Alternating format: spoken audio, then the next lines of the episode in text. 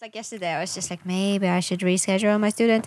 But we're very, very flexible with that student. Usually, she also What likes student? to uh, singing songwriting student. Hmm. She's uh, in uh, in Spain. She's in Barcelona, and she has now produced her own song, uh, with and writ- Wow. written and all that stuff. So you do it in Skype or Zoom or Um, whatever? Yeah, on- Messenger online? and Zoom. Yeah. And it works. Works good. Yeah, it works. Yeah, because like I mean, singing. I mean, I can see her, I can uh, hear her, and then because we're doing like learning like live recording and stuff as well, then I just get like really close up, um, you know, audio of her singing. So so, yeah, it's Oh, weirdly nice. enough words. It Mm. works. Yeah. I just had a lesson with a drummer from uh, the states. Yeah. Like a first one. like, Teaching or Uh, no, Learning. st- learning. Oh, cool. Uh, like an expensive one, like it is compared to what's here. Uh, but he's like a legit guy. Um, he used to play with Alanis Morissette and, and so on. He knows everybody in LA. And uh, interesting wa- thing was, you know, you always think the grass is greener on the other side, Mm. which I want to talk to you about actually, Max. Mm. I know we have like we've known each other for years, right? We've talked about it, but now we can kind of cement it in audio. yeah, yeah, put it out there. Yeah, but um, uh, so I mean, he gave me good advice, and it really worked well. But it wasn't like a drum lesson; it was more like recording and the business and Yeah, yeah. and, and that side of things. I had a similar thing where, I, do you know um, Steve White, the drummer Steve White? Yeah, of course, Yeah, I had some lessons with him. Wasn't he your uh, teacher at the school? He was, yeah. Well, he was. He worked outside of Goldsmiths, but they sent me to him to learn. He would only take on like two students at a time, and I was lucky to get into there. You know, that's one of the main reasons I wanted to go to Goldsmiths was to get you know to get in the same room and learn from him. But it turned out the lessons were more just like conversations. You know, it gets to that level when you're talking to someone who has that experience. You want to really just like understand their mind and mentality more than like rudiments. You know. Yeah, I think it's kind of like um, uh, with football players and whatever, like NBA and whatever that they. I think it was who's the Mourinho, who's like the famous coach, right? Like the scandalous Mhm. coach, and he said like I don't need to teach like Beckham or Zlatan how to pass the ball or like how to make a free kick. I need to make them play together as a team. Mm-hmm. And I think there's, uh, that was like a very, very good point. That was in the Netflix Mm. uh, movie where they were like, you, you've seen it, Gila, Mm-hmm. Mhm. right? Uh, with co- coaches or like. Um, Yep, some coaches. Yeah. I really recommend it. I mean, it translates to to music Yeah. really, really. I mean, I guess like uh, you both are producers as well, right? As well, right? Of course you are. Yes. But yeah, I, I yes, think you're no, more producers. it's just um, I'm, I've taken my sweetest time to to to. well, we were just talking about this yesterday. How you went on a a wild kind of detour to learn production so that you could express yourself better. And I have now finished the song. I'm actually like working on making it like getting it out and stuff. We're gonna get that into a second. I, I- I actually, well, let's get into it now. I wanted to text you. Uh, I just haven't gotten to it. The song "Humans" is uh, freaking balls out, amazing. Thanks, you man. know, I I actually was driving back. It was exactly a month ago from Kappa Festival. It's like a quite popular festival at night, like two at night or something. And it was Radio Two playing. And I didn't. I, I kind of, you know, uh, the social media thing had passed me by that you had the release, and then it came on at night, and I was like, "This sounds like Iiris," but I was like, "Well, it can't be." I could have, you know, seen somewhere that you released a song, although I don't go to Facebook or Instagram that much anymore. And and why I thought it was not you because in the that's a compliment. It was it was just so good. I was like, I mean, I mean. I mean, like next level good. And I mean, come on, you understand what I mean. You understand what I mean. Uh, no, the same, th- the same thing with Lexol because the Estonian. There used to be a time when you noticed that something has been made in Estonia and was like very Estonian. You know, because I mean, I'm talking like 15 years ago, 20 years ago. So you kind of, there was an accent or there was kind of this, it didn't sound the way. Uh, I think for the past two years, it has happened that now you listen to an Estonian produced song and you think like, well, this could be anywhere. This could be LA. This could be London. This could be Tokyo. And that, that was the best thing. I was like, and then I was like listening to the human song. And I was like, it easy it is. And I sh- shazammed it in like the middle of the night. Very dangerous, right? Driving at night and shazamming. Mm. And I was like, holy shit it's a banger. It's really nice. And then it, I, I started hearing it more on radio too when I was driving around, and I was like, I was very happy for you. For Thanks, you. man. 2 a.m. is a nice time for that song to come on, I think. Yeah.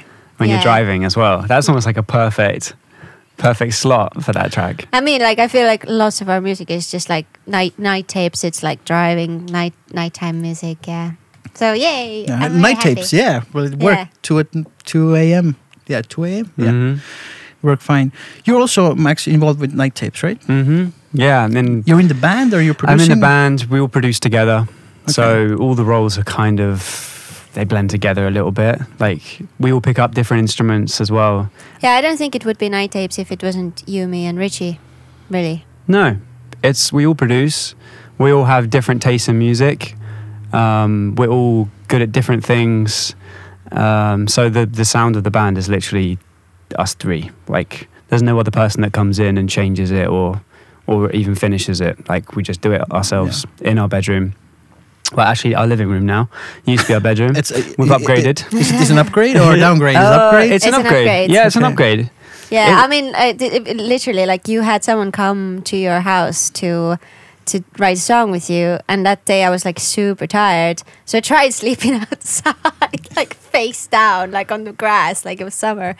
But then, Because we only had one room, so ah, okay. if we needed to work, But I one of us would just have to be in the room silently. yeah, but I was just so tired, and I came and I slept through the whole session, like while they were making I can imagine music. the friends coming over like, holy shit, Who did you this? see? Max is now producing in the living room. like he has fucking made it. I feel that way too. it's really nice.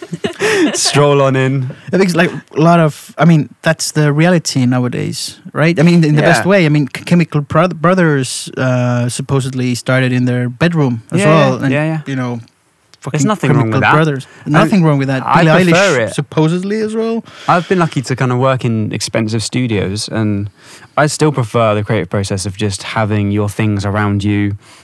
You've set up the room the way you like it. You know, there's thing, there are memories in the room. It's just like closer to the source than going into some completely Yeah. new place, which is like often very clinical as well because it's supposed to cater for. Sorry, supposed to cater for as many different people as possible. So for as many applications as possible, it's it kind of doesn't have it, it doesn't go down any particular path creatively. So you're kind of there with all these options. It feels very impersonal. I don't know. I just I would take the bedroom anytime. The only thing you can't do there is record drums. hmm That's Well- the one thing we go. We, you know, it'd be nice to go to a studio for, but But I seen your stories. You have like a place now. Like uh, it's a it's a cellar or a yeah, this is with the other project I'm in. I play drums in Another Sky.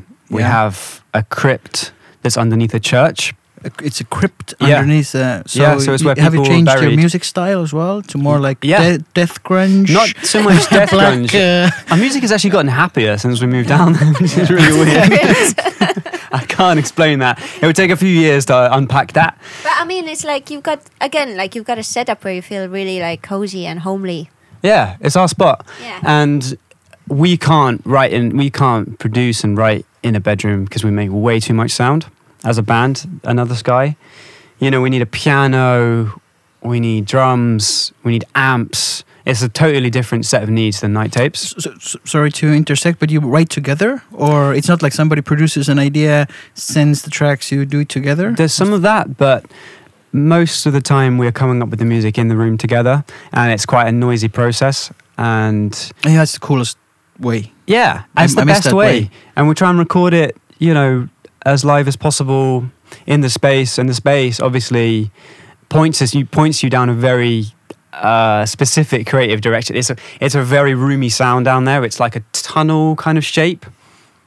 Um, it's like a half pipe that's upside down. If that makes sense. Check, And check Max's stories, whose Instagram is. Max This is my name. Doohan. That's easy. Yeah. yeah. So it's a really awesome space. Like it's um we have the whole place to ourselves. Basically the story is we used to be in a studio in Shadwell, which is kind of an infamous place on Cable Street. A lot of bands have been through there. Kikagaku Moyo was there. Yeah. Lo- Kikagaku Moyo. loads of bands. yeah. Loads of bands. Uh, if you talk to any like a lot a lot of bands in the UK, if you meet someone on the road, and you tell them you're at Cable Street, they- they'll have a story about Cable Street. Like Okay, sorry. Well, like it is like in like Cable Street. If you think about Tallinn, where would Cable Street be? Would it be Num? I mean, eh, hmm. what what part of the city would Cable Street be? What's the roughest part of Tallinn? Ah, Yeah, roughest part. Roughest cop- part. I'm not cop- Cop- no, no, no, not anymore. not now anymore, it's yeah. hipsters. No, okay, not hipsters. Rich people have taken Yeah. over. It's in the best way. I Killa, mean, Killa uh, lives there. He's like super rich. Danish give it like 20 years ago, maybe. Just maybe. bought a sports car. Yeah, Congrats. Danish give it like 20 years ago. You know, when you, you had like a guy with one eye come be like, That's hello, the do you have like, uh, do you have some fish? You know, that kind of vibe. yeah, okay, yeah, okay. a lot of one-eyed sort of people. okay, we have the setting. So everybody has a story about uh, was it Shadwell? yeah, Okay. Shadwell, Cable Street. Cable Street. What it is is a protected kind of complex of buildings with a huge gate, and there's usually like some ex-Romanian army people on the gate who like don't really let anyone in. You have to kind of fight to get in. Even if you have a studio there, you have to convince them to let you in every time. Very convenient. and it's even harder to get out as well. Seriously, I've been stuck in there for hours before, try- trying to get out. So anyway, that's the that's just sets it up. Like, okay, you have to fight to get into this place, and then once you're in there, it's a lawless. There's a lawless place. Like, people are squatting in there. People are growing weed in there.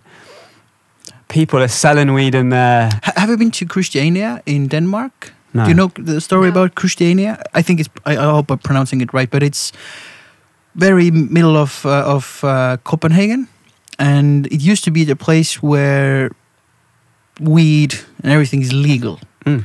People squatting as well, selling bikes. You know, it's like, but it's sort of like the, kind of the police stay out of there. It's kind of like a pact between the.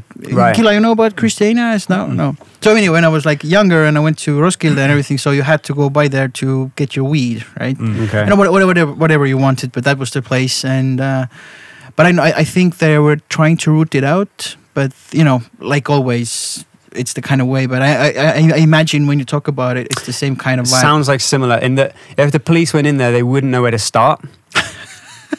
it's like Yeah. another country. It's Yeah, I guess everybody knows what's going on in there, but no one's willing to sort of roll the sleeves up and do anything. You know. They- Because there's lots of artists there as well. yeah, like so so that's one going side. on. Yeah, that's one side of it. Is all this kind of sketchy stuff going on. The other side is it's a place where you can get studio pretty cheap, and no one will really bother you in, once you're in there. You can do what you want. and you won't bother anyone else. No, probably as well. Not really. Unless with your situation. So that was the case, right? And we were there for two, three years. We made a room, you know, we built a room kind of similar to how you guys have done that here. Wait, except without the window. There was no window, yeah, no window. That's a privilege. I know. And it was about uh, a quarter of the size of this place. And, and Wow. that included having to fit uh, an upright piano, drum kit, and four people, amps, you know, all that stuff. and oxygen. So I yeah, so yeah, it was limited. So I had to climb over my drum kit to get in. You know, once I was in, I was in, and I was locked in. Um, and you know, it worked for us for a while. We did we did a few songs there. We could store our gear there. Like it was kind of a, a small HQ for the band. Because as I say, the band need a place that's not our bedroom to work. And um, the guy that ran that studio, Chris, who was the guy that recorded um, Kikagaku Moyo. Oh, shit. Yeah, he recorded them there. He had a flood in his studio from above. So it turned out there was a hydroponic weed farm upstairs above his studio. And someone f- someone forgot to turn the water off. The water flooded the whole studio. Like everything was destroyed. I mean, it- his studio His was life was full destroyed. of like amazing equipment as well. Like he was an analog guy, so he had tape machines, he had mixing desks, priceless things that you can't really replace. You know, I don't think he insured anything either.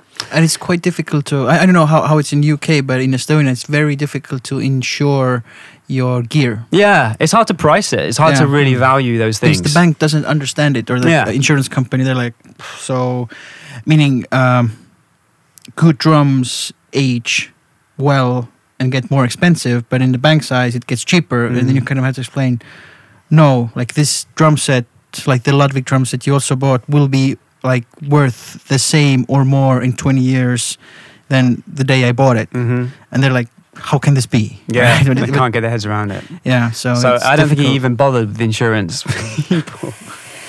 Unfortunately, everything got destroyed. Like his whole studio was underwater, and the people that ran the building, I might be going too much into this, so you can No, stop it's, me. it's a very Okay. interesting story. The people who ran the building were saying like, oh, "Okay, sorry about that. We'll pay for your equipment if you don't tell the police.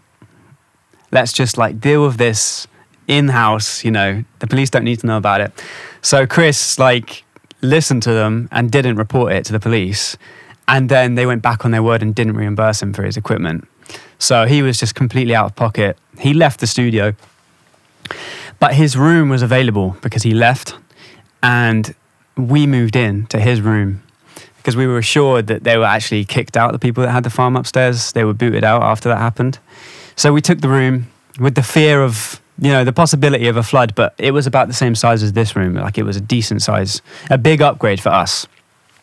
So we took the room and like made it ours and recorded a bunch of stuff in there, um, and it all worked out really well until we also had water coming down in the hallways. and there's and and I don't know it was a separate issue, it was a, like a plumbing issue apparently. I don't know if I believe that, but it was apparently a separate issue that there was water coming down this time. But there's a good picture of us about to go on tour, and we were like covering all our equipment in, like lifting it off the floor and covering it in uh, tarps. Because when we were away on tour, if it flooded, no one would be able to come and save the gear. Yeah. Like it would literally fill up like a fish tank. And uh, we realized this wasn't sustainable. Like we Also- had to move basically. Also, there was like, yeah, the, the the owners had changed, and like there was some crazy stuff going on there. Yeah. There was like people locking themselves. There was, a, I mean, I can go deep into this as you want me to, but I mean, that's a good story as well. Like, come on, like that's a good. the guy story. locked himself in the. Yeah, so one of the guys had locked himself into his studio and refused to come out, and Yeah, and. Into- Uh, into your studio or his no, studio? the studio next to us. that used to be Because he studio. started living there, you weren't supposed to live there. He locked himself in, and the person who started running the studio, who took over, took um, like a, Saw. cir- a circular saw and like cut his door down. And like physic, this was like a little lady as well. You like might be thinking of like some tough Romanian guy. It was like a little lady. it was savage. Cut his door down and wrestled the guy out of of the studio. because he was living there and it was like Yeah, he was living there, but he got back in and then he changed the lock so we couldn't get into our studio. These are just there's a litany of, of reasons why we needed to leave. Right, the writing was on the wall, so we are like, where are we going to go? We looked at other studios; they were all going to be like two thousand pounds a month minimum, right, to get a live room and a recording room, twenty four hour access, which is what we needed. And we put the feelers out as to anyone who had any ideas. And someone came back and said, My mum used to run a Sunday school in this church. Uh, it just got shut down because the stairs are unsafe, they're too steep. So it's, I know that it's vacant, and the pastor who's just taken over is a music fan. So we're like, okay, that's a good lead. Yeah. And it was really close to where we live in South London. So we went and visited. The pastor was super sound. He's like a punk music fan, like younger guy. And he was like, we would love for a band to be down in the crypt because we want the church to be more culturally relevant. And no, it's just not being used right now. This big space. So we cut a deal with him and we agreed to pay him, you know, uh, £800 a month for a big studio, like bigger than, it's like four rooms. It's the same one we're making videos. That's the crypt now. yeah, it's the right? crypt. Yeah. Um, so we moved in. We built we built it into a studio because obviously it was just full of junk. You know, they're just throwing all their stuff down there that they get donated. They get donated loads of clothes. Cleared it right out, soundproofed it, and now that's the HQ. And uh, it's just one of those little hacks, kind of similar to how you guys have this hack. If you are if you're patient enough and lucky enough, you can find a place. Still, Of course, yeah. I mean, it's still hard to find a place in London. I- If you don't want to pay two thousand pounds minimum, yes, it's hard. It's hard. If you got lots of money, it's really easy. Yeah. musicians filthy rich, right? Yeah. Most of the time, two hundred pounds here and there. Yeah, well, similar here. Similar here. Um, uh, city's growing, and there's like these kind of places. I mean, there probably are a few, but they're dying out, and and the sound is an issue, of course, Yeah. for drummers. Anyway, because if you do anything else, like a guitar amp, you can tolerate, and it's not that loud and maybe not that intense, Mhm. right? Mhm. But like drum set, I mean, usually, I mean, usually, like if it's not the summer season or touring, I come here nine in the morning, start playing. Middle of the day students play till evening. It's like I don't know ten hours of drums for somebody. So it's quite a lot. Yeah. And you don't have that problem here, I guess. No, not here. And well, the new place I'm going has a hostel on top of it. That doesn't seem like a good idea. But I asked the landlady, and she said no complaints so far. And then Reigo Ahven, like a well-known Estonian drummer who has a room on the same floor, and I asked him, he said he doesn't give a fuck, and he plays at night, and nobody has ever complained. So I was like, Hmm. you know, of course I will. I mean, I'm I, I'm not usually there at night. Uh, Mhm. It just don't function so good at night. Yeah. So like the uh, how do you say it when you have to the peaceful time at night is like eleven o'clock or something in Yeah. Estonia. So you know I'm rarely there till 11 Mhm. You know, although I have had um, situations where I have to be here till like three a.m. because like this last minute thing and somebody's can you do Mhm. it for tomorrow? I'm like sure, Mhm. But then I have to be here till three a.m. So Mhm. it's going to be issue there, but maybe I'm working too much anyway. Let's just say sorry, I can't do it. Because you're you're doing like you know you're sessioning as well in terms of like you're just you can just like record and send. Yeah, yeah, but like if, if I make noise, I can't do it at night, so I have to kind of. Um, yeah, but I mean, it's gonna be fine. And now I'm kind of in a place that I'm gonna be this at this new place, and then I'm looking to buy something because I'm tired of. I'm gonna, of course, on a loan or something, but a space where I can kind of acoustically create a good environment. I can do it step by step From scratch. I mean, I I, I want to buy like a business. Would it be a plot of land or would it be a building already? like already like a yeah like a building Okay. or a room i mean it of course can't be too big but i just checked something that's around 40000 euros uh, the monthly payment is 250 euros Versus uh, a rental rent for that kind of place would be six to 700 a month You're which just is throwing your money away. which is Yeah. way bigger even than my house loan is or like my you know apartment so it makes sense to pay like 250 or 300 which you're going to make back on gigs or recordings anyway but it's yours eventually and even like whatever happens in the future maybe you know I, I- I don't see myself quitting music but you never know what's going to happen right so then i have this place that i can sell or have like real estate right and Mhm. of course it's going to be like a very difficult one to get but you know and i'm the best places actually i have seen are car washes or car repair shops because they have high ceilings because Mhm. they need to lift the cars and it's usually the telliskivi what's the uh, yeah. bricks bricks Yeah. and uh, they have the door the garage door Mhm. usually which is like load in load out is very Mhm. easy plus it's usually the best way it's in a shitty condition but that's good because you can kind of start in doing from scratch. You can Mhm. like okay maybe i invest in the floor. I'm going to do the floor the right way and then you know you can do cement floor or a floating wood floor. Yeah. and you know you can go step by step. You don't have to kind of invest everything at the same time. And you have your own space so and i see those buildings they're not for sale of course but all over tallinn i know where they are. Uh, but i guess you have to go through like a uh, um, company. Hmm then to like a real estate company who kind of know what's on the market I like then- that. Car wash. yeah because it's an empty big room where you have space and a loading door Mhm. and usually it's the first floor always car wash is never on the second floor and there's and there's usually nothing on top of the car wash as yeah, that's true. so it's kind Yeah. of freedom. Uh, next time I'll invite, in, in- invite you there. I hope when Yeah. when when it when it kind of goes to plan. Nice. Yeah, man. nice. Just end my monologue. I uh, I had a coffee and I've been like almost a month coffee free. This is my second Oh. coffee and now I kind of I, I didn't notice that when I quit that something happened, but now when I had one one flat white, it, I noticed that it has an effect on my body and my mind for sure. And I used to when we started this podcast with Gila, I used to have like four or five coffees a day, you know. So and I didn't notice at all. I was like, well, I'm normal. I'm normal. I'm like very hyped. Time moves fast. It's Yeah. going on. Yeah. Uh, but anyway, yeah. Um, uh, so yeah, and I thought more about this as well. That I think I'm kind of drifting away. I, I saw you two a year ago. Again, right around Edith's birthday, we had a hang at Yeah. your Yeah. place. I remember. And uh, you were asking me questions about recording and yeah, stuff. because I was like trying to get into session drumming.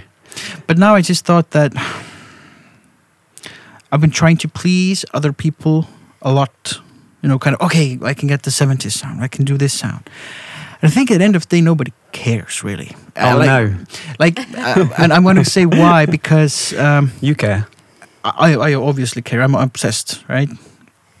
You're. I we're, care. we're all obsessed with I something. You But the thing that you're obsessed with is a good thing. I mean, if it's a positive obsession, right? It's like Uh, 70s sound. Like the 70s sound, yeah. uh, but I mean, it's a good practice. But I think if you want to market yourself online, doing whatever with music or video or whatever it is, is by showcasing your own thing. Mm, signature sound. What's Signature your- sound. So peeps Yeah. will be like, okay, I want that kind of sound. I know that person does it. Yeah. You know? Yeah, because um, Ash Soan, you probably know that drummer, right? Ash Soan, he's a very famous drummer. He lives, uh, he's a UK drummer. Uh, he's played for Adele and everything. He has his Windmill Studios.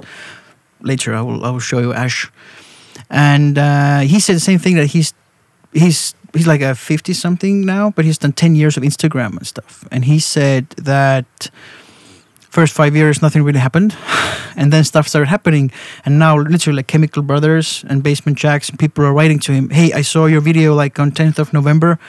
I want that.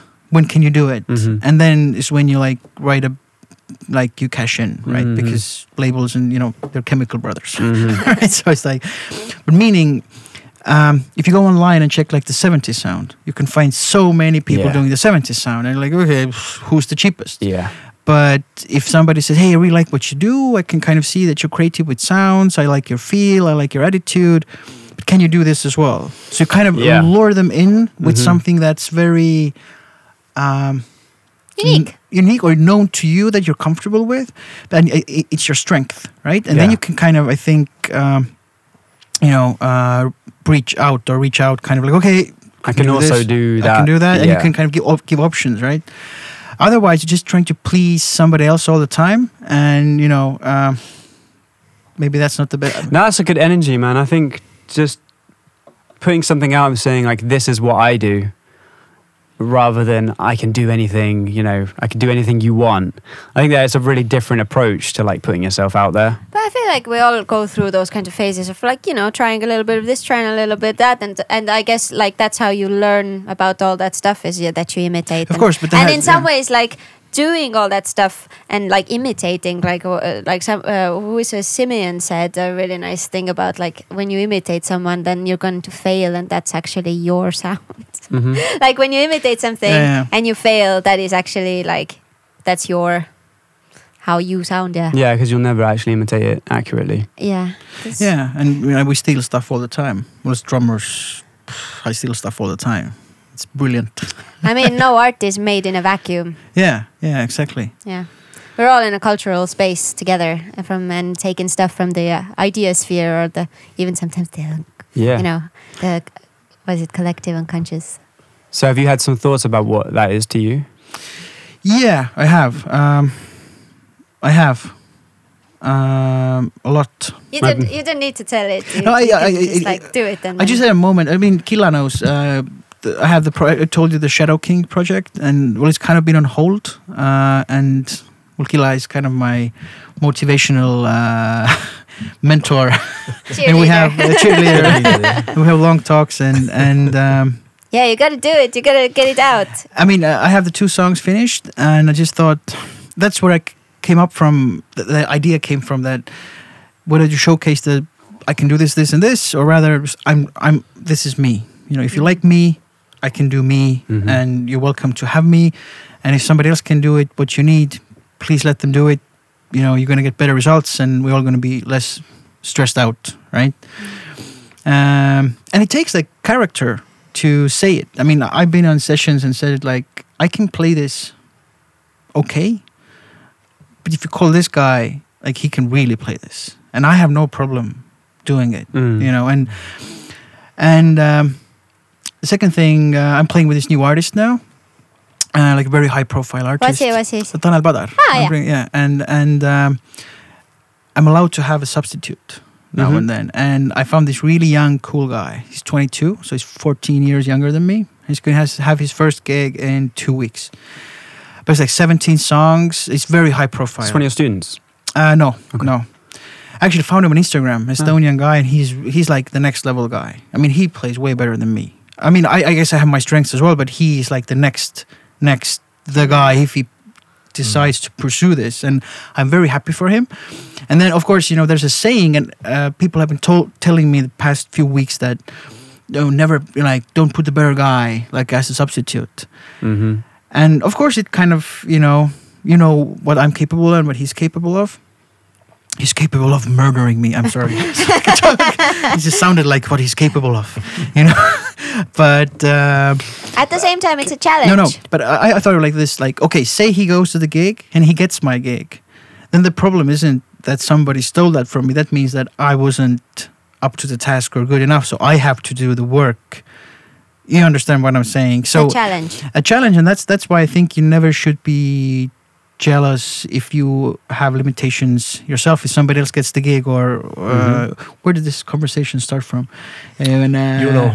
yeah uh, just just on that, that I think it's a really interesting point. I think it's as an instrumentalist you can get too obsessed with your performance. Like, how am I playing drums? You know, I think there's so much that goes into getting a job other than just your playing as well. of course That's And this thing. is something I can speak to just because I'm playing with Berwyn right now, which is like a he's a rapper in the UK, and it was just me and a bass player.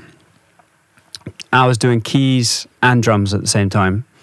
at the same time like paris monster Well, you know paris monster yeah, ah it's okay it was uh, it was yeah, it was a bit of a balancing act because You're some playing the octopus. I'm I'm playing the octopus. Yeah, I'm playing the octopus. Some tracks I'm playing like half drums, half keys. You know, moving between the two. And at, the, at the same time, I guess. but yeah, the point Ah, is. okay. it was me and it was a bass player, two of us in the band backing up Berwyn. And the bass player let us down as A person. as a person, yeah. Like he was an, a fantastic bass player, like a really brilliant bass player. But as a person, he wasn't like enough of a team player. He wasn't like willing to like get involved and help out in situations. You know, there's so much more to just to, to the job than just being a drummer. of course of course And yeah. like so, you know, it's, you it's need to, important like- to remember that you need to be reliable. It's like you need to be someone who's easy to work with as well. Yeah, um, uh, Neil Gaiman said that that there are three things that uh, that you need to keep in mind when when you're getting a job, a creative job, and it's like if you've got two of those things covered, you're fine. One is like yeah, punctuality and accuracy. One is getting along with people, and one is the quality of your art. Yeah. So if you've got two things, like you are punctual and you got the qual- quality of art, but you're not very good with people, people will still get you. If you are if you are you have if you have quality of art and you're really good with people but you're not very punctual people will still get with you and Yeah. then there's the third one which is the what is what the punc- uh, punctuality and good with people and good with people but not very good with art but people will still get with you yeah, and, and listen, there's so many good musicians. yeah There's so many good musicians out there. But at the same time, that's the thing. Like, I feel like it's it's more about like how people work together as well. Like, and like what is the dynamics in in in that very moment that you are in with with people. Like like we were saying, like night tapes wouldn't be night tapes if it was wasn't the three of us. Yeah. Like, there's a special dynamic that happens Yes. with just specific people. You take one of those out, and it's not the Yeah. same. like the police or Nirvana or I'm just Bloc Party. Bloc Party. I've just been uh, thinking about. We have talked about a lot in this podcast that this magical combinations of people Mm. that are usually very fragile. If we think about the police, right? Yeah. You know, I mean, I'm a huge police fan, and I, you know, have read that after concerts, Sting and Stewart Copeland, literally, the moment they got off stage, got into a fist fight because of tempos and stuff. So they were like, be two very, yeah, yeah, and like very big egos. But check some of the police stuff, like lives. They played super fast at the end, like way too fast for each song. And I'm like, as a listener, like, dudes, you need to chill. Mm. But who gets who starts the tempo? Mhm. Fucking Stewart Copeland, who's an amazing drummer, but like he took the tempo, and you can see a Sting also being like a very, you know, I guess like a big personality having an issue with that, right? Yeah. So and and and then you go at it. But uh, the other thing is what it seems to be also in like music history is like there is like sometimes you get into a band where there's two people who are like brilliant but also like nudge each other the wrong way but it's also their their kind of like uncomfortableness that makes the thing so good like it's Yeah. kind of like a pressure for a diamond or something like you know like Like we have You uh, don't have to always just get along. That's not what I'm Yeah, saying. It's yeah. more about the synergy. synergy. Yeah. It needs to it needs to work for the music. and sometimes you just gotta make that okay. Like it's not super comfortable all the time, but we pu- push each other, and you know, this is going Yeah. to this is better because we're together. It's a cool story I have Tanel that I, I mean, um, uh, when I first met him, or not first met him, but going to the band, he said, you know, we don't have to be become even good friends, but we definitely have to become good band bandmates. Mm. You know, and he said if, you, if, we, if we naturally become friends, then it's very good. It's a bonus.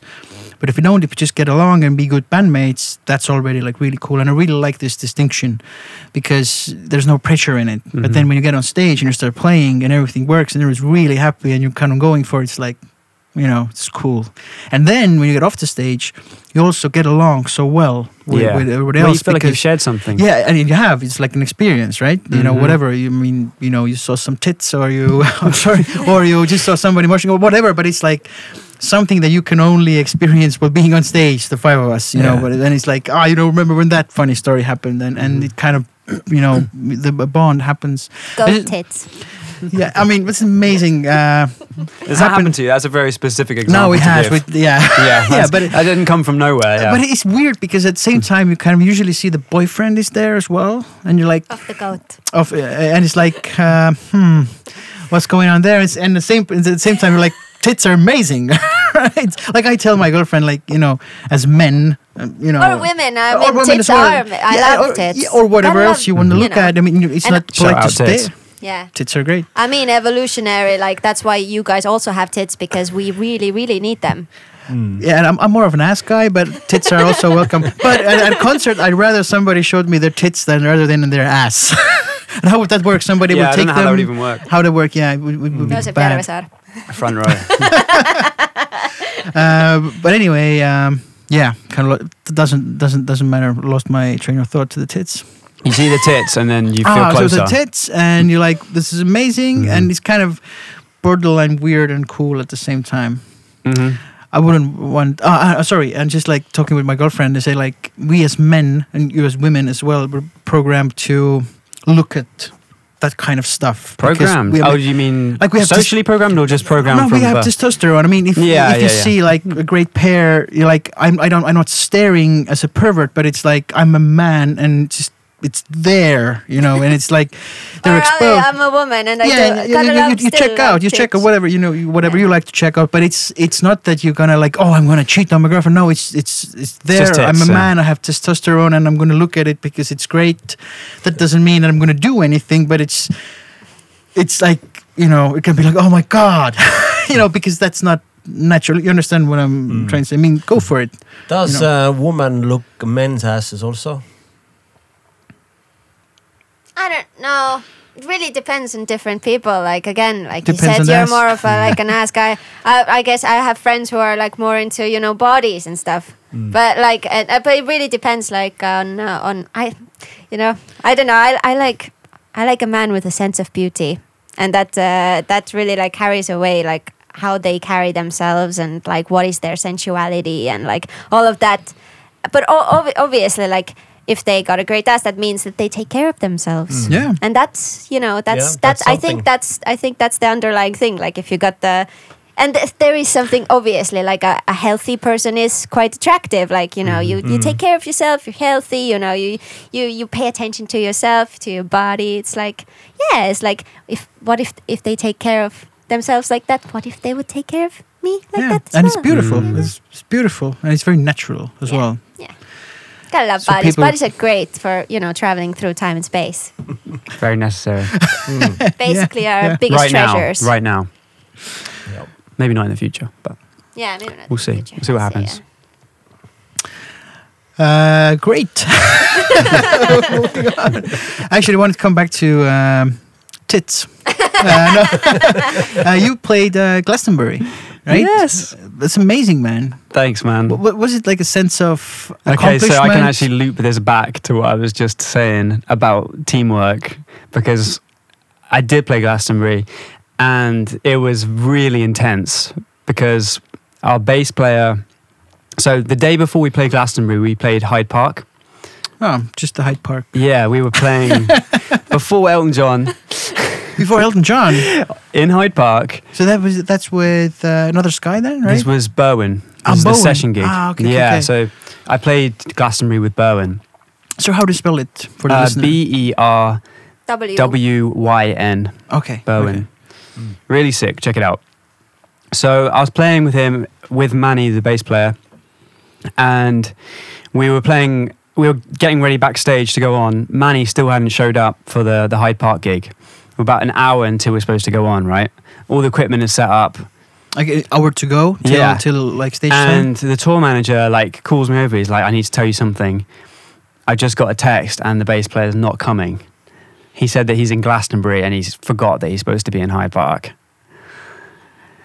And we all kind of looked at each other we were just like, So the punctuality went out of the window right Yeah. there. and we were just like, everyone was just freaking out, running around like headless, headless chickens, trying to get a show together if- with an hour to go in front of thousands of people and whether we were going to have to pull the gig or not. Yeah, and you have like you have to do the accreditation or like the you know getting yeah, well, it was too late to get Yeah, anyone yeah. else. It was way too late. So it was like damage control at that point. We managed to call the get the MD. He put the bass parts on the backing track, and we managed to do the show. Like it was so stressful, but we got through it. And the next day we were going to Glastonbury, and we had to take a black cab to Glastonbury, which, if you don't know, like that is about the most expensive way you can get to Glastonbury. Glastonbury is like f- three from and a half, four-hour drive from London. Yeah, and like the black cab is sort of like the premium taxi in London Why did you have to take a taxi? because there was a train strike, so we couldn't get there. Basically, we, we wouldn't get there on time unless we had a taxi. We were there in the morning, like to get in the cab, and the bass player shows up with his lug- luggage. Like Hey guys, I'm here. our, our jaws hit the ground. We were just like, "Wait a second, what, what, what are you doing here, man? You're What- fired, right? You're fired. Yeah. First of all, He's like, I'm I'm very punctual. Right? Yeah, yeah. I'm here. so it turned out he wasn't in Glastonbury, uh, or maybe he was in Glastonbury. I don't know. Like I, c- I- it hurts my head to think about it. But anyway, it turned out we had to do Glastonbury without him again. So Because yeah, Berwyn kind of fired him on the spot too. Yeah. It's just like I mean, I, I would was as well. As well. I yeah, mean, there was just you can't come back you from can't that. do that. Yeah. So we went we went to Glastonbury, just the two of us, and we did the show the same way we did it in Hyde Park. And there were all these like issues with it was a new stage at Glastonbury, really cool stage, but it was you know like a lot of the stages they've been there for years. Like it's a, an institution where they have the same team every year on the stages, backstage, just running the machine. Like it, it runs really well, Glastonbury. I'm sorry. Was it raining or was it like? Uh, no, it was it was quite beautiful okay, actually. alright. Yeah. Bonus. Like the sun came out. It was it was it was a perfect uh, idyllic day. And uh, so we ended up going on late because there were issues with the sound and all these things. We went on half an hour late, which is considering we were doing a 40, 40 minute set, meant that we were supposed to play about 10 minutes worth of music. we just, uh, Berwyn decided we were just going to play through basically until they cut the sound off. But was it your fault or the? It was no, it wasn't our fault. It was the the the stage's fault that we went on late. And you Like, still had to cut it short. They were saying we had to cut it short. Yeah, That kind of sucks. it sucks, man. Because- But then yeah. so Yeah. we decided we were just going to play as much as we could. So it's like a rebellious spirit, like they're not gonna cut us off, kind of like thing. And they did cut us off, but we got pretty far through the set. We we did a good gig, and the crowd were really on side, and it was it was like the Glastonbury experience I had hoped for. It, it was really awesome. Was it for you like a bucket list moment? Like I played Glastonbury. I had played before. I played before. I played before, but it was like five years before. I was sessioning with a different artist on the John Peel stage, which is like the kind of most prestigious for like a new artist to play on. It's the, the only tent stage at Glastonbury. And we were just like, he was, the, the artist that I was with was kind of like won a competition to play there. We were in first year at university, I think. And he asked me to come play SPD, percussion, additional stuff. Um, and it was my first Glastonbury experience that time, and I didn't bring a tent. I didn't know You what didn't to bring a expect. tent. I did So- not know what, what to your expect, so? I had nothing with me. I had What- what- nothing. What, was the plan then? um, Well, are you 22? Yeah, It's just like, I didn't have a plan. I didn't have a plan, and it was really cold that year. So I had to buy a tent at Glastonbury. It's probably cheap, right? Yeah, r- super super reasonable. and I didn't have a sleeping bag. Anyway, I wound up getting the flu while I was there. On the first night, actually, I got really sick. I had a fever. We played the next day, and I remember the guy who was running the st- uh, running the um, John Peel stage. This really old guy called Jim, and he like gave me this ho- homemade um, vodka that he, he had in his ha- in his hand, and he was like he could tell that I was shivering with fever, and he was like, "Here, this will fortify you." So I took a swig of that before we went on. I felt so much better. But yeah, I learned my lesson, and that, and that was a really, really like a learning, a teaching moment. Think ahead. if you're going Where to a you festival for four days, Where are you gonna sleep? yeah. Why I'm asking is just usually when you get this really high profile gigs or this, like, I mean, with the 80s we played Positivus and stuff. So it, in your head, it's very glamorous. It's like, oh, Yeah. we're going to play there. yeah, What it really is, you get there with the car, it's a little bit chaotic. You try Always to get your wristbands and stuff. Then it's a sound check. Then Yeah. it's like, you know, we're on the clock, get your stuff out of the way for the next artist. Then it's catering. Then it's a few drinks. Then it's like a few, you know, uh, so and so quality jokes, right? And then it's kind of like pressure. Then you perform. Then you pack your shit. And then it's night. And Yeah. you're like, okay, we just played this amazing festival. But it went just like it like doesn't that. sink in, right? Yeah, but when you watch it like uh, as a crowd, it's like, oh my god, those guys are playing there. They're living like la vida loca, right? You know, it's like you know. But it's um, was it the kind of the same? But was it like, oh my god, Glastonbury, man? It's you know, been dream. I've been dreaming of this. when I'm in the when I'm playing, I'm so focused on what I'm doing that I don't get to take it in. But there's one song in the set where I don't play anything and I can just watch. And that is so great for me because that's when it's, it, it sinks in. I'm allowed to look at people. I can see the scene, take it in, absorb it. Be like, yeah, we're doing this. This is this is fucking awesome. But yeah, as you say, like when you're when you're in the trenches of, of a gig, it's like so intense that it can pass you by almost like a dream. And you Yeah, think back to exactly. it, it's like, Yeah. oh yeah, I did do that. That's Yeah, crazy. that's but- crazy, right? Yeah, but luckily, like I, I really consciously try and take it in now, like because I'm aware that that happens where you don't even get, you don't even get to juice it and like absorb it and enjoy it. I really try and do that now when I'm playing. I like try and like look up and take it in and like yeah, take stock of what's happening before it's over. Yeah. That's something I think I learned from, or like took from Taylor Hawkins. He said like where to look as a drummer. Yeah. Usually we, when I mean, drummers look at the hi hat, which is the most unexciting thing to watch as an audience. Right. Uh, but he said like just pick somebody or just watch like to like an unknown future, but just you're actually looking at nobody. Yeah. Everybody's feeling that you're looking at them, you know, or just looking around your Mhm. bandmates. And I've been trying to do that as well. Otherwise, you just, you know, Dude, I think you can connect better too. yeah. But as a drummer, I mean, me, I usually feel I can just see the front row only, and then I can maybe see the front of house. I, I Because you can't play at the back, don't you? Yeah, I play at the back. Yeah, This is why I never like playing drums at the back.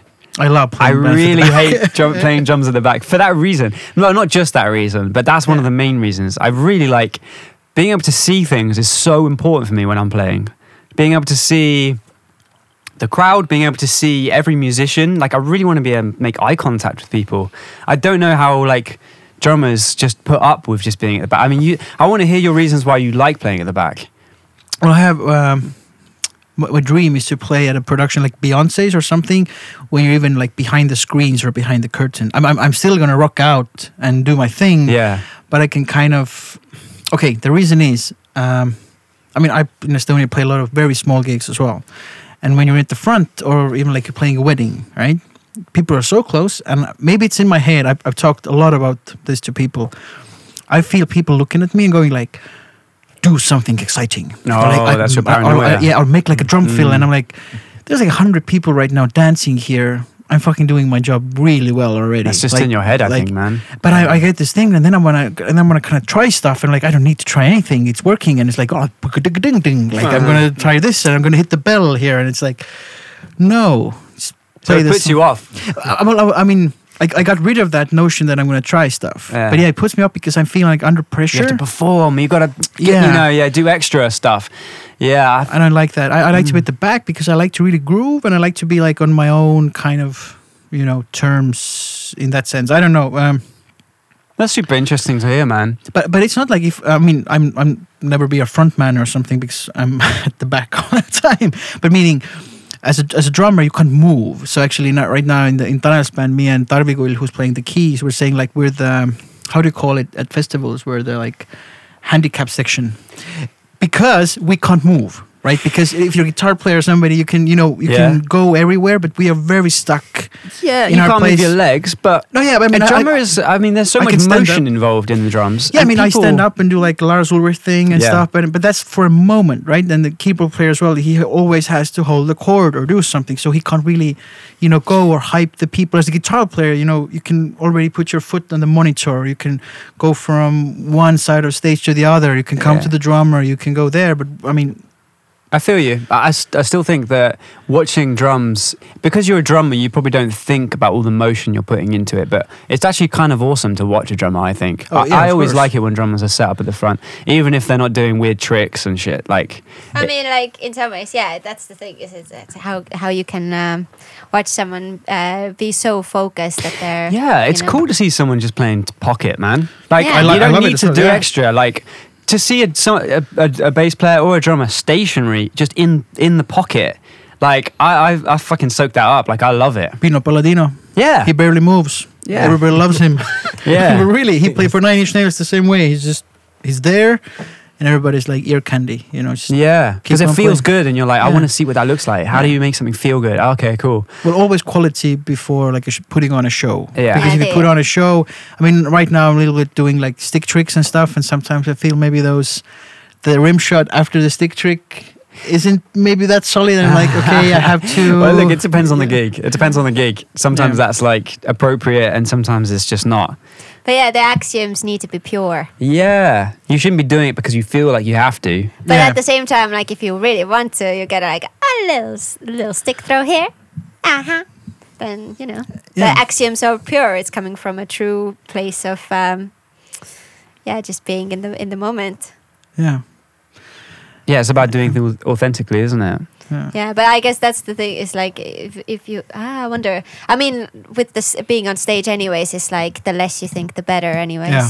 So Mm. trying to get into that space where there's no thoughts. With drumming, like yesterday, I was going to this halftime thing, which is like you go boom, do ga do ga do da da do doom, like very simple, but I completely overthought it was do ga do da but the sh the boosh. No, like you know, I I was like just you know do the logical thing. Yeah. It's just you know from like normal time to halftime, it's a no brainer. You don't have to make like epic drum fill here. Is this is a gig? Yeah, yeah. I Mm. had a gig yesterday. Um, Sunday gig. Always fun. uh, starts starts at 11 uh, p.m. So The church one? church one. Yeah. What do you mean? In the in, in the church? No, what church? No, No. no. I was Oh. at Club Atlantis. in Tartu. Oh, okay. Yeah, uh, it was like a s- whatever uh, private private event. Uh huh. It's, uh, yeah. Oh, go it's ahead. just on that. Have you ever had things completely fall apart live before? I have one time happened to me. This is where we drummer talk now. That's why I said like we, we need to do a different. We need to do a drummers podcast as well. But So, no, but- it but doesn't yeah, have to be just about drums. No, no. I mean, yeah, of course. Like Iiris, I'm sure I have a story as I mean, well we, about we, we, things. when I played with Iiris, we had like computers, Agos just failing for 'Cause no it's reason. It's a teachable moment, I think, when things go completely wrong. Yeah. I feel like that's uh, like when when I do do stuff live. I never get it perfect. Like I think that's the thing. What I've been like, kind of like learning from being, um, from performing is like how to let things go. Yeah, good. Just And, lean uh, into the chaos. Yeah, lean into Mhm. the chaos and like, um, because I, I don't think I feel like it's kind of even like uh, destiny that I will never be perfect on stage, and I just have to kind of accept it because you know there's a I guess there's the difference between excellence and perf- perfection. Exactly, and I think chaos. You have to embrace the chaos. Yeah, embrace chaos the is chaos. great, Yeah. and uh, it is great. Yeah. and stuff. so, I mean, Yeah, but what is perfection? Yeah, well, that's the thing. Perfection and excellence. Uh, excellence uh, combines also the um, the flaws. So you can have something that is flawed but excellent, while perfection is more of a um, kind of like an absolutist. Karl uh, kind of- said he went to see Drake and he went to see Bruno Mars, and he said it was too perfect. Mhm. Although it was It's live. dead if it's too yeah, but it was perfect. dead. So, and um, I was thinking of. Do you know the band Turnstile? Like a hardcore band from uh, I think Massachusetts. Really cool. uh, if you feel the hardcore punk thing, but like very stylish and not repeating itself. And they had like when their record came out, they put the whole show on YouTube and stuff. I mean, people are stage diving all the fucking time, and it's amazing to see it. Then they're kind of bothering the bass player, and the bass player is kind of like you know fuck off because it's punk show, right? And people just you know throughout like this whole set coming on stage like hordes and doing stage dives. Nobody gives a crap. Band is playing, some things are happening. Somebody sometimes somebody falls into the drums, but it keeps on happening, and the energy is there, and you're like. Where can I see this? Uh, you know, I, I would like to be part of this. And the Mhm. same thing, like I think Yukila when we had, um, was it Romcha, like the small club in some somewhere in Kopli, where a punk band played, or was it Dewey who told the story from Tartu or Pärnu, Mm. where there was like very very small place. I think it was he said, like room like this, and a band is playing like a punk rock band from Norway or Sweden, Mhm. and it was very muddy, and people started doing mudslides during the show, and it was so crazy. But he says like he's like in a movie, and it this energy, like you can just feel it, and, and then you don't care like if that rim shot was Mm, perfect. yeah. Or, nobody Mm, yeah. cares. Bring the energy or go home, That's it, right? man. because you can't get to the emotion. The emotion is something that robots hopefully can never emulate, right? Mm, Because it's so human to make those mistakes. mm. And it's yeah, probably errors will probably be our great assets. Yeah, Because Yeah, it's exactly, I mean, sure. you can look at errors and say that it's an error. You can say that uh, it's a deviation. It's a happy accident. Or then, it's a know, yeah, I guess yeah, it's just like uh, you you have the, all those different plans, and you have a path that is planned. If you think about music like a path that you're going on, and then you know you you get you get sidetracked and you go on this uh, on a different path, but it's still a path. It's a valid path. That's how I try to think about it. And when I like uh, improvise as well, sometimes I go to the wrong thing, and then I just like try to like, oh, okay, maybe it's not. Maybe it's not an error. Maybe it's just a variation or a different different way to go. Yeah, you need to be listening to to what's happening to make those changes. Mhm. Otherwise, you spend the whole gig just trying to pull it back to where to Yeah. a preconceived idea of what it should be, Yeah. and then you end up just really yeah. and uh, you know you, you've not gone one way or the other. It's not been the perfect thing you had in your mind, but you also haven't followed the journey. And It's not meat nor fish. It's just like it's mish. mish.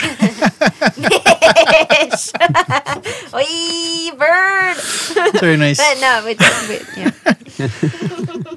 But something happened to me. I think as a drummer, the fun, the funniest thing, sort of quote unquote, was that top hi hat cymbal just flew off the rod and uh, s- uh, like uh, wheeled into the audience. And I didn't even. I don't know how it's possible. I, I, I don't think I From hit the back hi- of the stage. Yeah, yeah. And uh, I was. It was so funny. I was just laughing, and then um, some guy, like after a few songs, brought it back. but like everybody laughed. Yeah. And I mean, I don't know. I don't know how, how it could happen. Uh, maybe the rod was very uh, like short, or I don't know. And um, which is like booms flew, and I can see it go past security and just like into the crowd That's great. but it was like uh, you know I- by then i was already as experienced that it didn't like um, bother me. But i think we all as probably the drummers the most because we have so much uh, stuff on stage or like our setup but everything had to be right from like a millimeter uh, Mhm. point of view. Now it's like if it's not right i i can still play and perform. I don't care. Maybe next time like okay i will just check this out. This floor tom is maybe better. Hmm I want to come back to producing. Uh, when we started off, um, have you, Iiris, have you um, produced like not just an, like an artist or a singer songwriter, like a whole band? So where you kind of have to manage not only the maybe lead singer or or the leader of the band, but you have to kind of give direction. No, I, I haven't. Uh, I've only like produced my own music, or I got peeps. Uh, I, I I've got I've had people play, like record. I've recorded people now, but uh, not not many people at the same time. So no. Okay. But you have Max Doohan. Yeah, but I still enjoy working on my own projects more than producing other people. Yeah, it's it, production as well. It's like it's a very specific, especially it's a very specific job, especially like producing other people. It is. It's very. You very need to really manage relationships well. Yeah, exactly. And That's the main part of the job. And yeah, how how you say things Yeah. to somebody, but maybe knowing them as well. But I feel like there's always a, I think that there is like code actually like of of um of uh of um working in groups in general and giving criticism. And I guess that is uh two wishes and a, uh, I I always say two two uh, two stars and a wish. So uh, uh, because and and and in some ways you have to treat them as friends. Like we we can say fucked up things to our family or to ourselves, but if you treat them instead of family or like or like yourself, if you treat them as friends, there's always a, a line. And I, I think that in, in any kind of relationships, actually, the things, if you're saying fucked up things to yourself or to your family or to your friends, then, or like to the people you're super close with all the time, that means you gotta say it, that to the therapist and kind of like tone it back and just like treat everybody as friends, including Okay. yourself. Like there is like a line, but I mean, um, but yeah, I think uh, co- in cooperations uh, and giving criticism, and sometimes you gotta be like, you know, right now I'm in such a mood. I can feel that I'm in such a mood that I cannot give any like constructive criticisms. Like I, I feel like in a weird place, or like you, you gotta, you can just be human about it and and be like, no, this right now, all I want to say is like. I, I, I can feel that it's really harsh, but it's not con- you know constructive. Mm-hmm, mm-hmm. And I but that's you know something that comes with time and maturity. Like obviously when you're 20 and and you're just thinking about like oh my god like will they even accept me and will the society s- accept me and like who am I really and like what if I'm bad you know at anything I do you know kind of like you don't have mm-hmm. room to con- consider other people.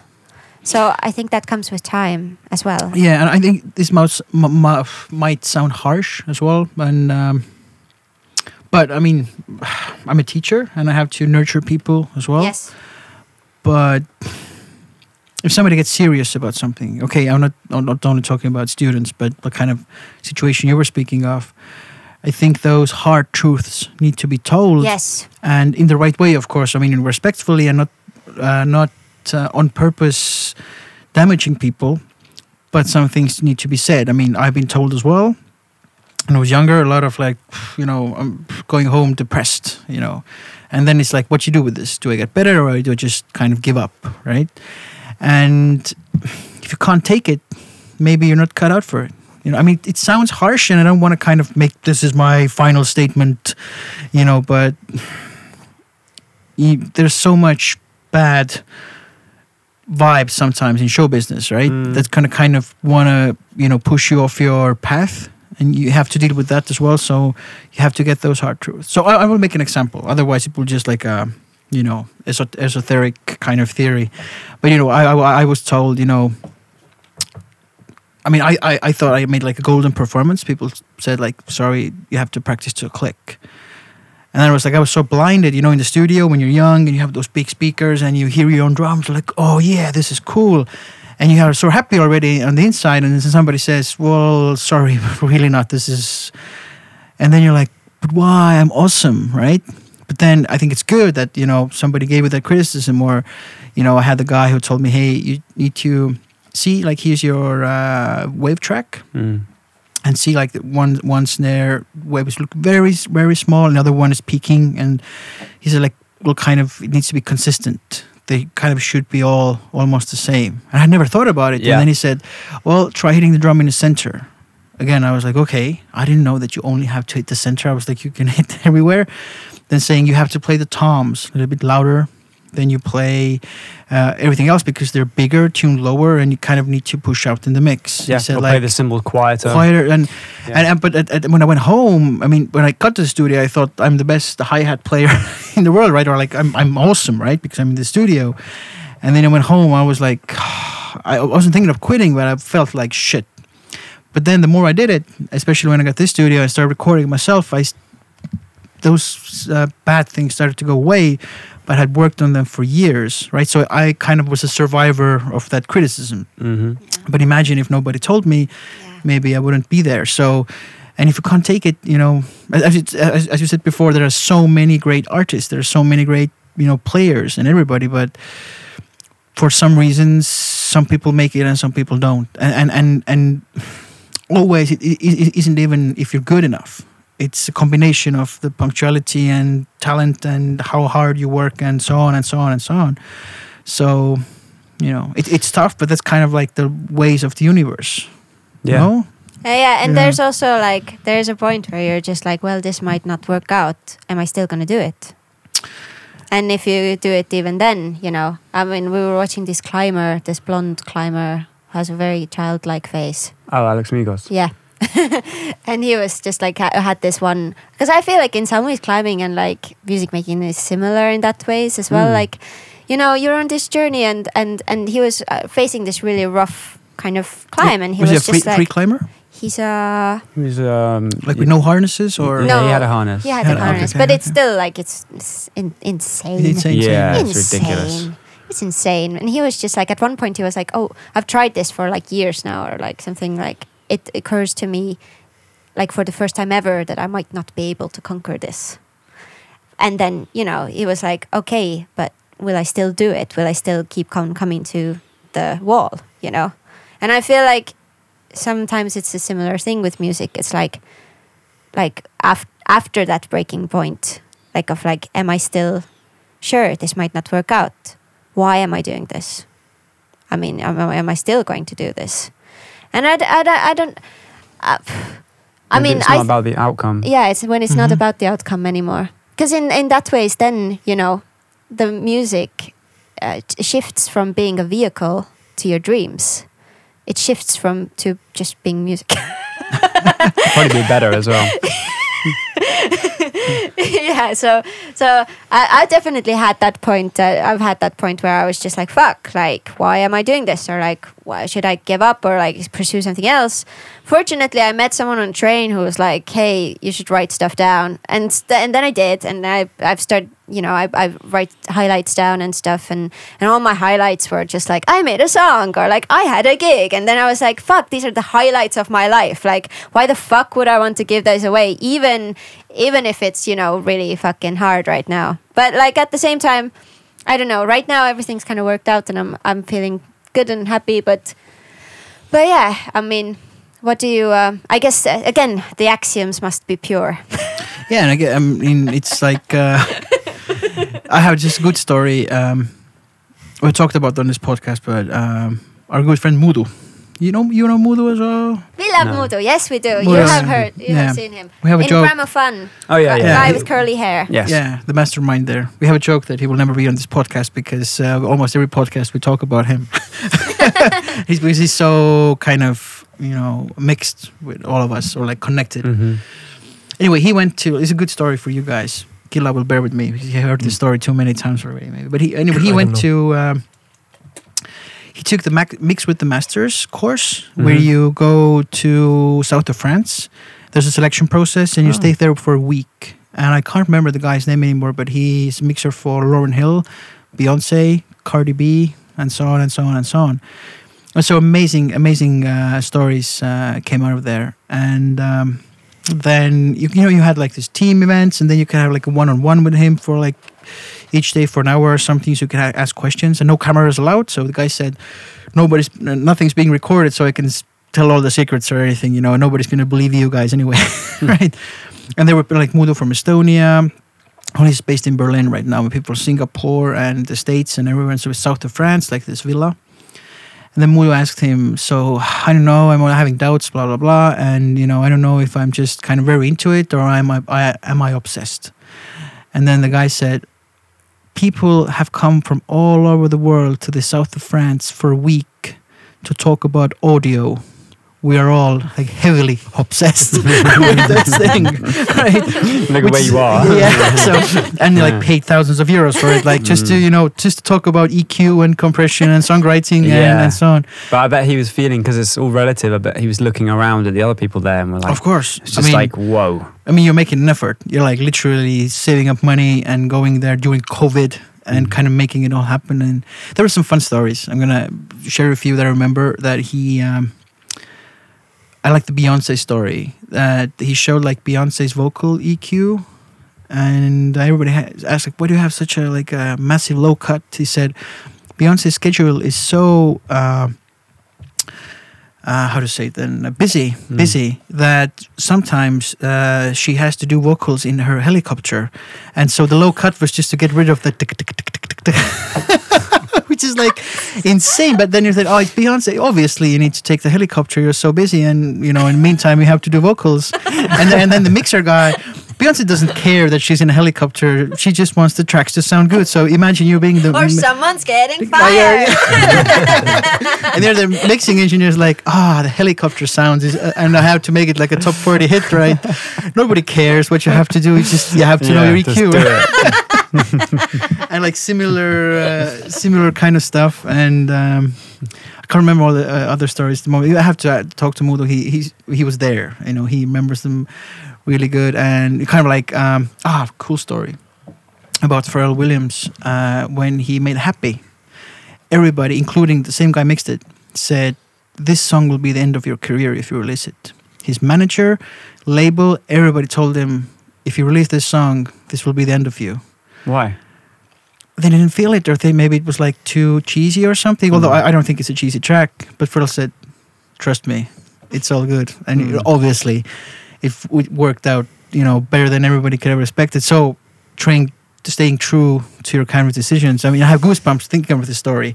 You know, I mean, it's like an epic song. You know, you might love it or hate it, but you can't deny it's like like an epic song. But also, I feel like that's master level, where you can, when you can really be like, you know, I am so fucking sure of my vision that I can, you know, not every anyone, Beyonce can tell me that this sucks, and I'll be like, sure, but I'll still release this.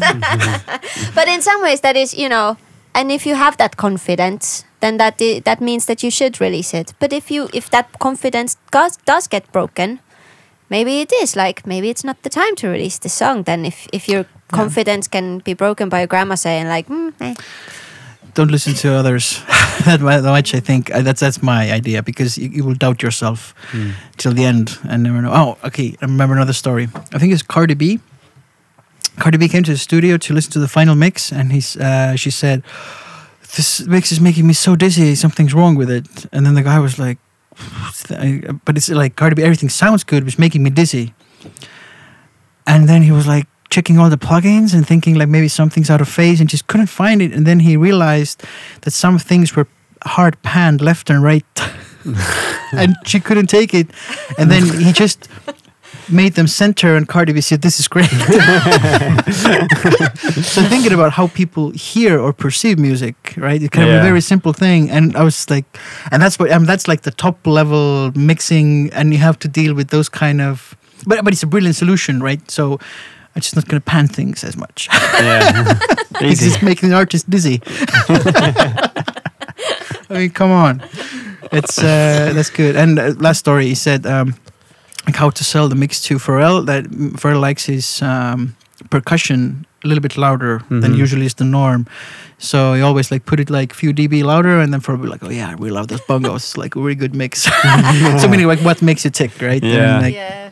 I mean, that's it. There's different people like different parts of the mix. It's like Mhm. you know, the singer will be like, turn the vocals up, and you know, the drummer will be like, I lo- I would like the drums to be a bit louder. yeah. Cool. How's life in London? it's a f- heat wave over there Ah, yeah, right I now. read it. 40 Uh, degrees over weather. there right now. Um, but otherwise, it's it's London life is hectic. I mean, like yeah, it's very very fast. I feel like I, I came here. I was like gonna rest, and I rested this this this uh, this weekend on my birthday. How, Had how a long- How long are you staying? You stay. You're going back Un- like until Wednesday? twenty sixth. I'm Ah, going back Wednesday, yeah. Ah, okay, going back on Wednesday. Mhm. Yeah. Um. But yeah. Um. But it's good. It's good. Yeah. It's pushing pushing forward and and it is. It's exciting to live in London. I guess. It is yeah. exciting. We just put on a gig. yeah. We, we we've we've had stuff happen, so it's it's really fun to have stuff happen. I, I, I never been to London. I should. I mean, Oh, I, I mean, I have us. like passed through with a train and just kind of hopped off. I think a central station or whatever, and just got in another train. But I haven't, you know, been in the city and. Yeah, and- should and come, looked Come visit. Yeah. We should, yeah. Uh, Come to the crypt. At the crypt. I mean, it's the Yeah. epic name. Yeah. It's like when I w- was in Berlin and the guy asked me about my studio. Uh, he works at Trick Studios. I don't know if you know, but it's like legendary studios in Berlin. And he graduated with Mudo. He went to the Abbey Road uh, Institute. hmm Uh, he's a Lebanese French guy, really cool guy, and plays almost all the all, all instruments as well. And then um, I just kind of made a joke at dinner, like, "Oh, "So come to Estonia, I'm going to invite you to my drum dungeon." And so it was like, we're like super funny to everybody. And I was like, uh, "I'm going to call my studio now Mixed Drum Dungeon." So it's like, uh, and you have the crypt, like, kind of like the secret, Yeah. pervy Yeah. place, but we have drums. It's intriguing. with crypt of drums. what? Be- beneath the church. What? Are you yeah, sure? even though people are buried down there, it doesn't really feel spooky. I was happy. Is it haunted? No. No, no. Oh. It's pretty benevolent. The vibes down there. Yeah, weirdly. Although, like, there are like holes in the wall to like have air come in and out in terms of like to have more con- conditioner. Yeah, it looks like bullet holes, like Bullet all holes. over the walls. But it's like, and you look at those holes and you're just like, there's a just a bunch of mud and dead people on the other side. it's fine.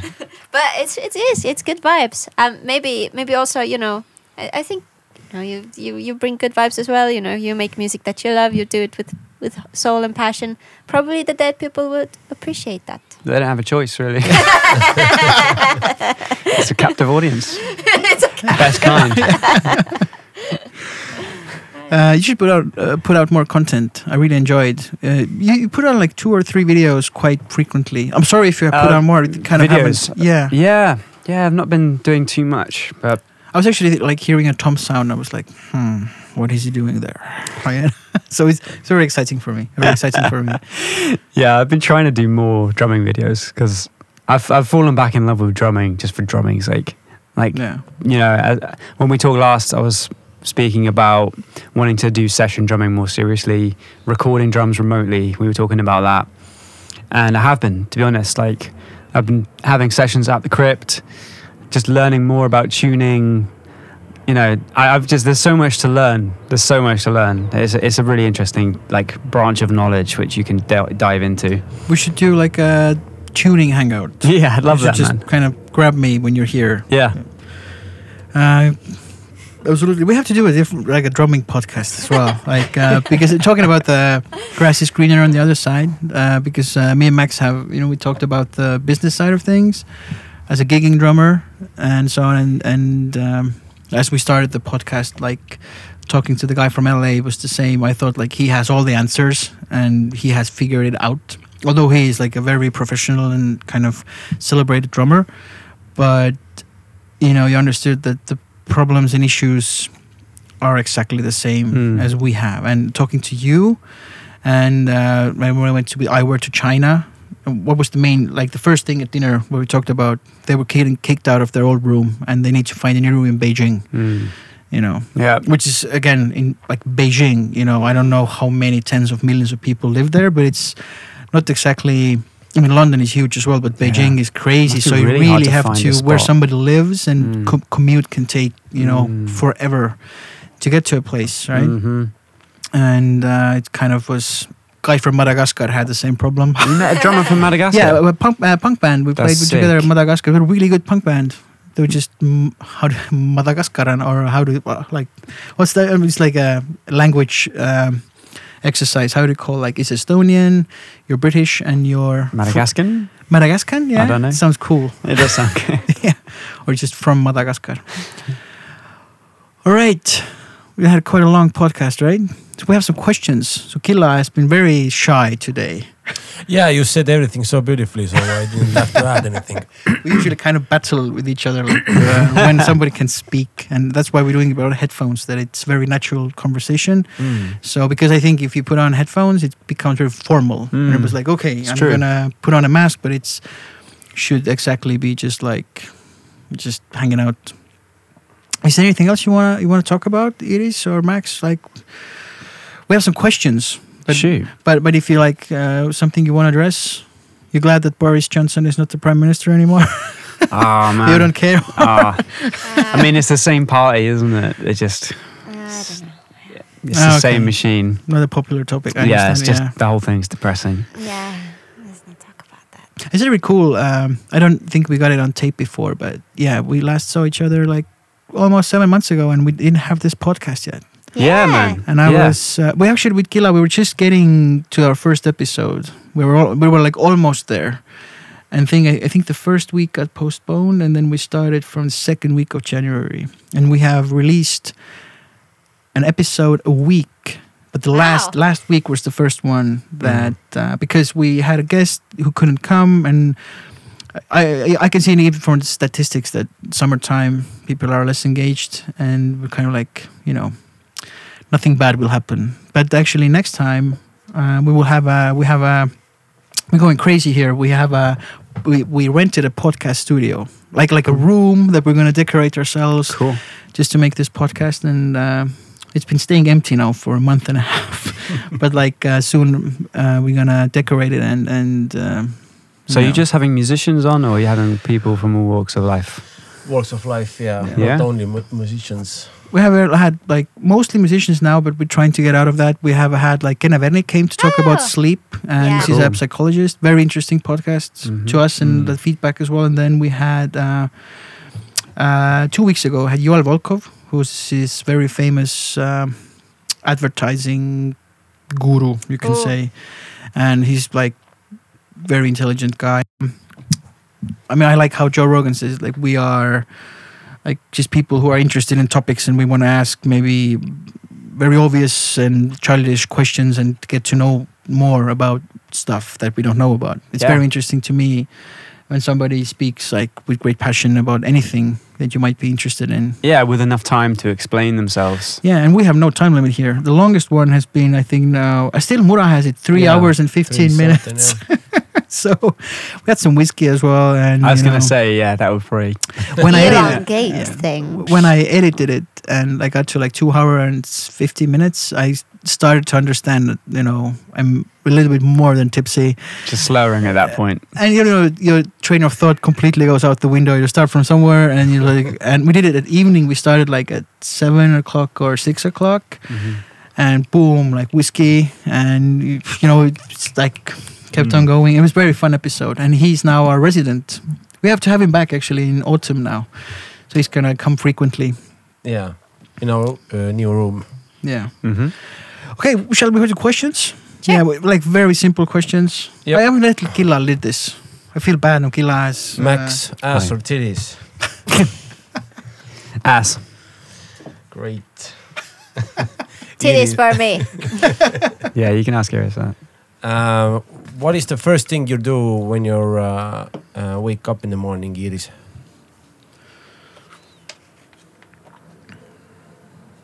Brush my teeth. You had to think about that a lot. Yeah, because I was just. Yeah, no, I do brush my teeth first. Yeah. Favorite shoes of all time? Huaraches. I don't even have to think about that. Nike. I got these actually given to me in Estonia. oh, These. they're nice. Mm. And I just wear them everywhere now. They're so breathable. They're so great. Seems comfortable. Yeah. It is what your favorite shoes. If you have a superpower, what it is? Um, I definitely can't pick favorite shoes. Um, superpower. Oh, really high, really high vocal. Really high vocal. Whoa. Like I, Honestly, I mean, nice. my super, nice. my useless superpower is that I can just go.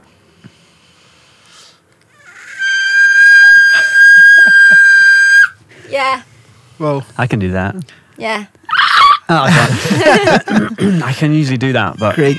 Now I can edit more. so so higher than this. that was me. That was really crazy, though. It takes everything to do that. Yeah, it's very useless. Uh, I start, you finish. Uh, I always wake up. Hey, sorry. I always, yeah, I always wake up. Oh, sorry. Like like how you wake up. Like I always wake up. uh, tired.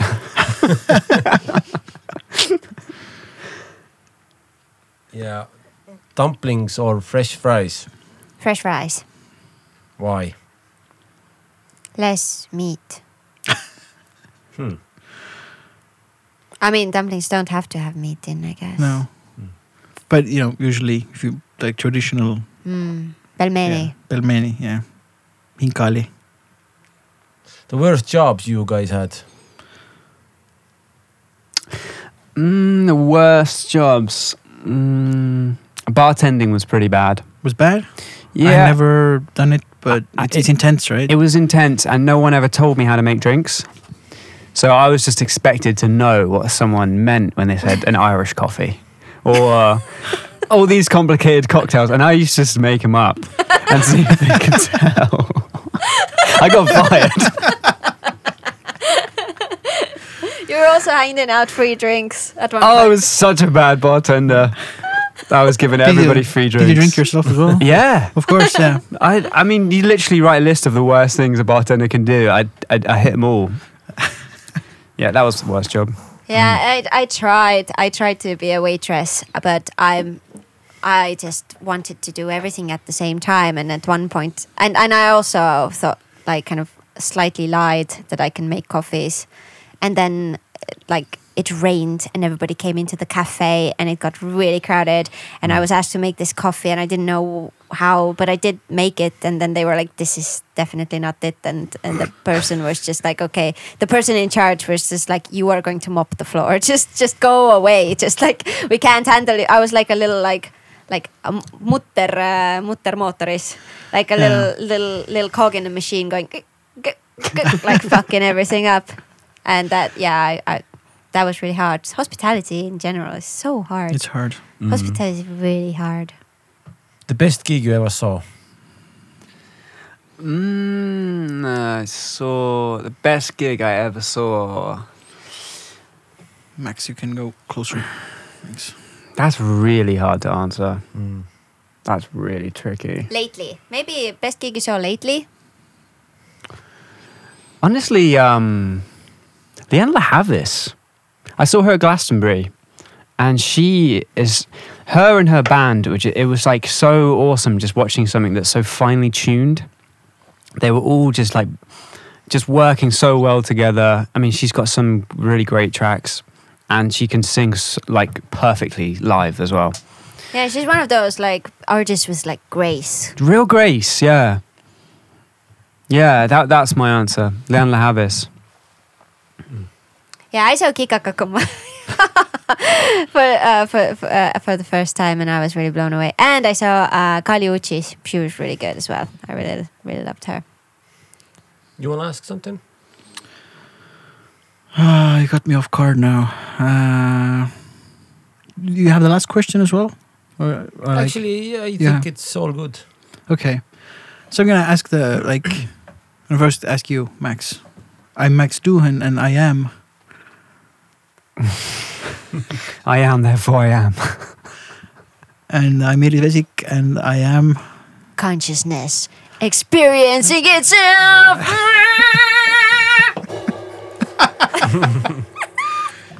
Thank you very much for coming, Well guys. played. you know, Hey, thank you for coming. pleasure.